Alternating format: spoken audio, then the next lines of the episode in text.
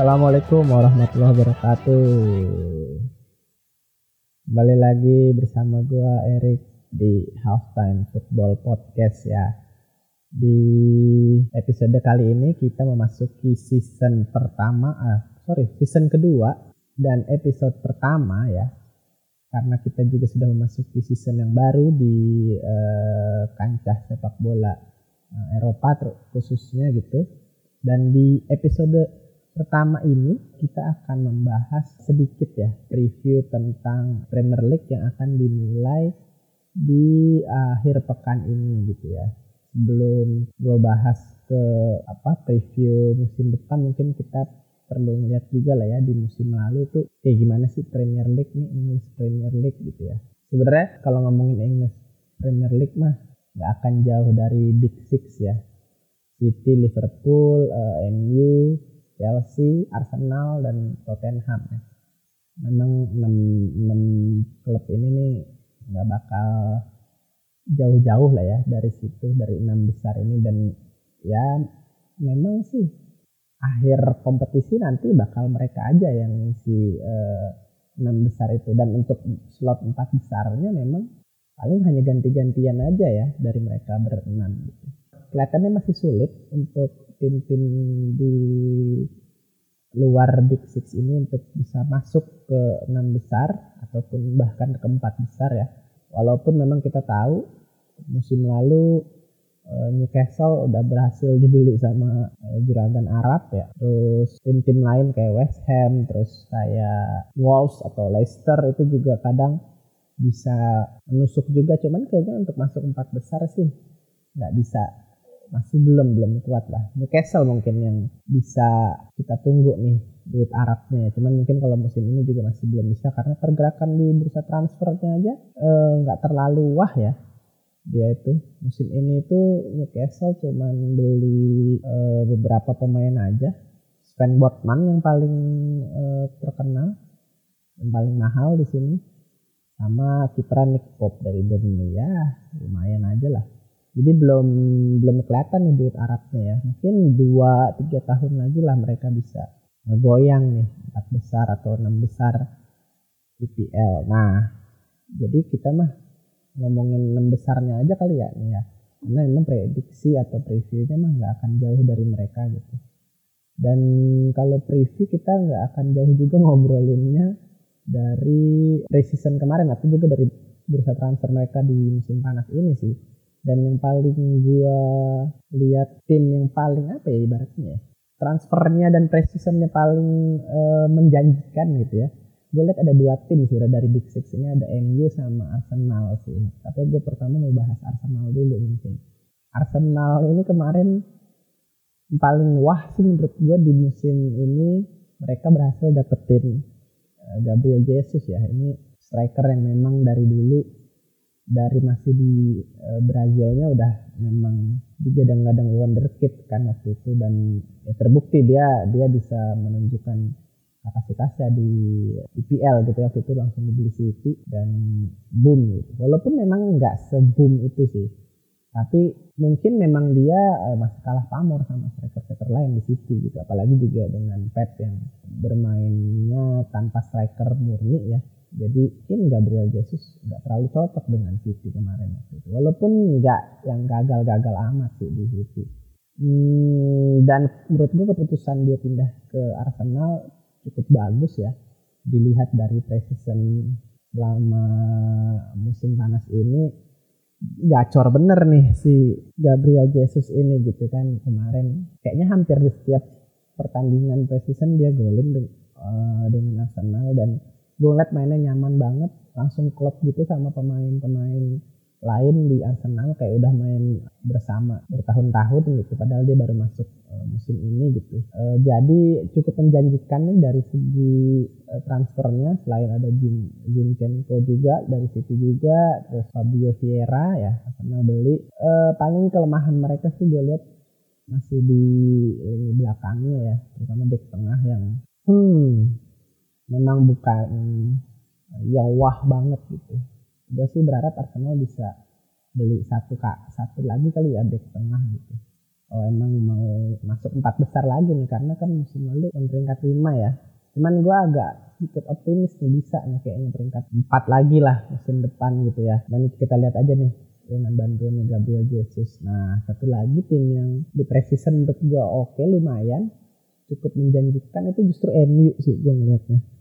E, entah kenapa magisnya si Erik Ten Hag nih cukup terasa ya ke MU di musim baru ini. Ya mungkin akan memberikan sedikit angin segar lah ya ke para fans MU yang udah kangen banget mungkin sama buat dapetin gelar. Cuman ya gue nggak tahu juga sih apakah bisa langsung dapat gelar di musim ini apa enggak. Tapi setidaknya ada cerca harapan lah untuk MU karena memang e, kelihatannya sih di musim ini terutama di transfer bursa transfer kemarin ini Ten Hag diberikan keleluasaan ya memilih pemain ya. Jadi dia ngambil pemain yang memang yang dibutuhkan sama dia gitu. Dan manajemen memberikan kesempatan itu gitu ya. Nggak kayak pelatih-pelatih sebelumnya yang memang kayak nggak dikasih eh, transfer yang mereka kepengen gitu. Jadi MU sih dengan transfernya yang paling mahal sekarang tuh Lisandro Martinez ya dari Ajax. Ya bawaannya Ten Hag gitu ya. Jadi ya eh, dia diberikan pemain yang dia pengen.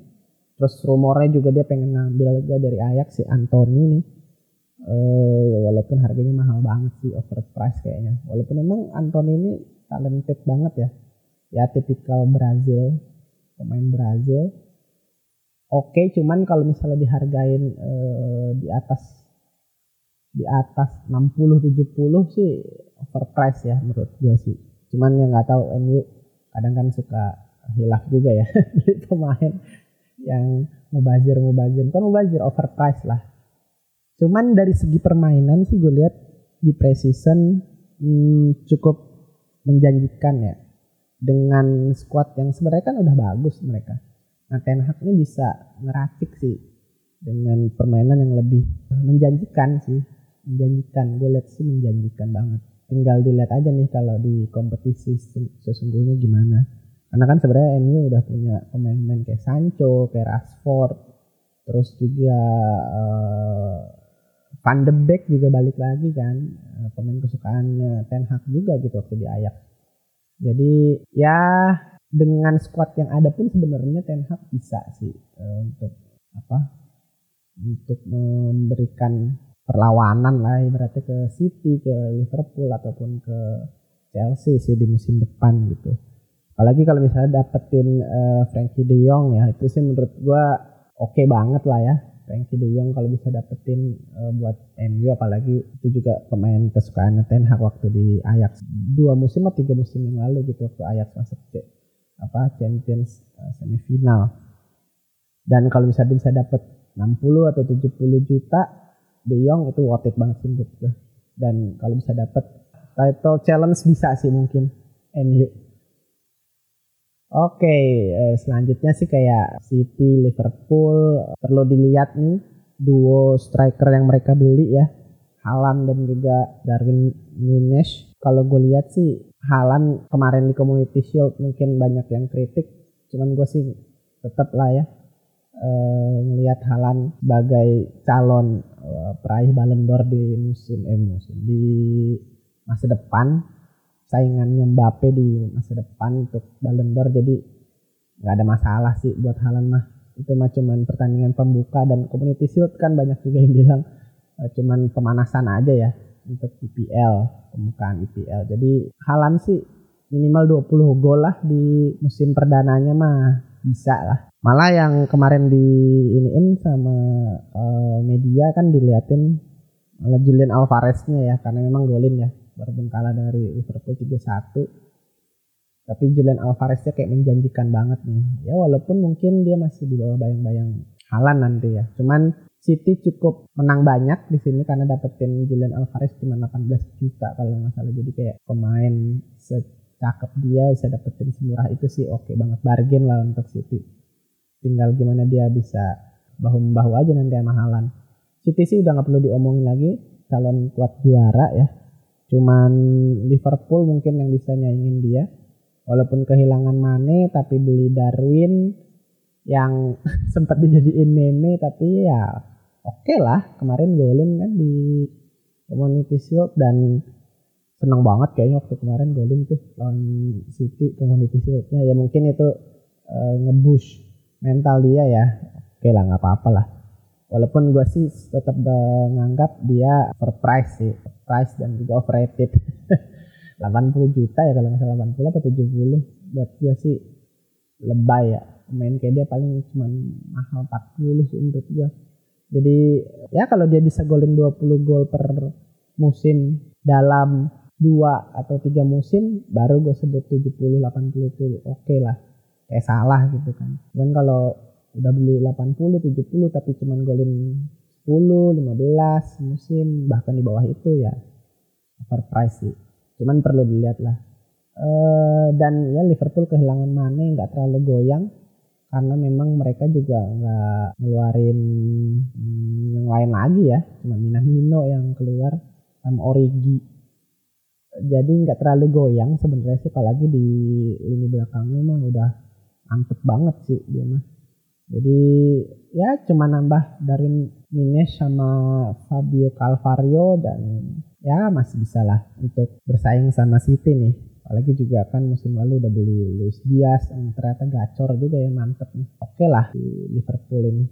Ya dan tim yang lainnya sih tinggal Chelsea dan Tottenham ya Spurs yang mana gue lihat sih Spurs cukup oke okay nih dengan pembelian-pembeliannya uh, Richard Listen, Ibs Bisuma, Perisic, terus Clement Longley, oke okay lah ini menurut gue. Conte lagi-lagi menurut gue sih memang pelatih cerdas ya. Dia bisa ngebawa musim lalu.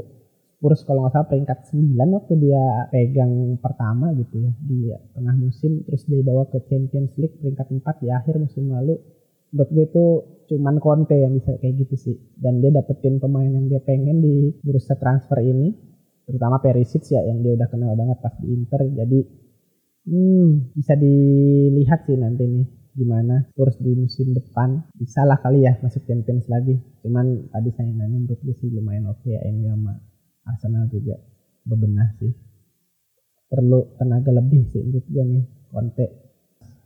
Sama mungkin fisik ya karena Conte mainnya benar-benar fisik. Uh, gue nggak tahu pelatih fisiknya sekarang siapa waktu di Inter. Antonio Pintus tuh canggih bener. Sekarang sih kalau Tottenham nggak punya pelatih fisik canggih itu mungkin bakal kewalahan sih pakai skemanya Conte nih. Cuman ya masuk Champions lagi sih udah oke okay banget. Terakhir sih Chelsea ya. Chelsea ini dapetin Sterling sama Koulibaly oke okay banget sih sebenarnya Kuli Kulibali walaupun udah 31 ya ya paling tinggal dua tahun lagi cuman untuk menambal proposnya lini belakang mereka gitu ya Kulibali sih oke okay banget sih itu ngaco banget di Napoli dulu kacau sih dia mah. Kalau dia bisa datang lebih awal ya misalnya dia dua umur 28 29 ke Chelsea gitu. Ini sih e, bargain banget sebenarnya. Cuman ya oke okay lah untuk dua tahun eh, bantuin Chelsea.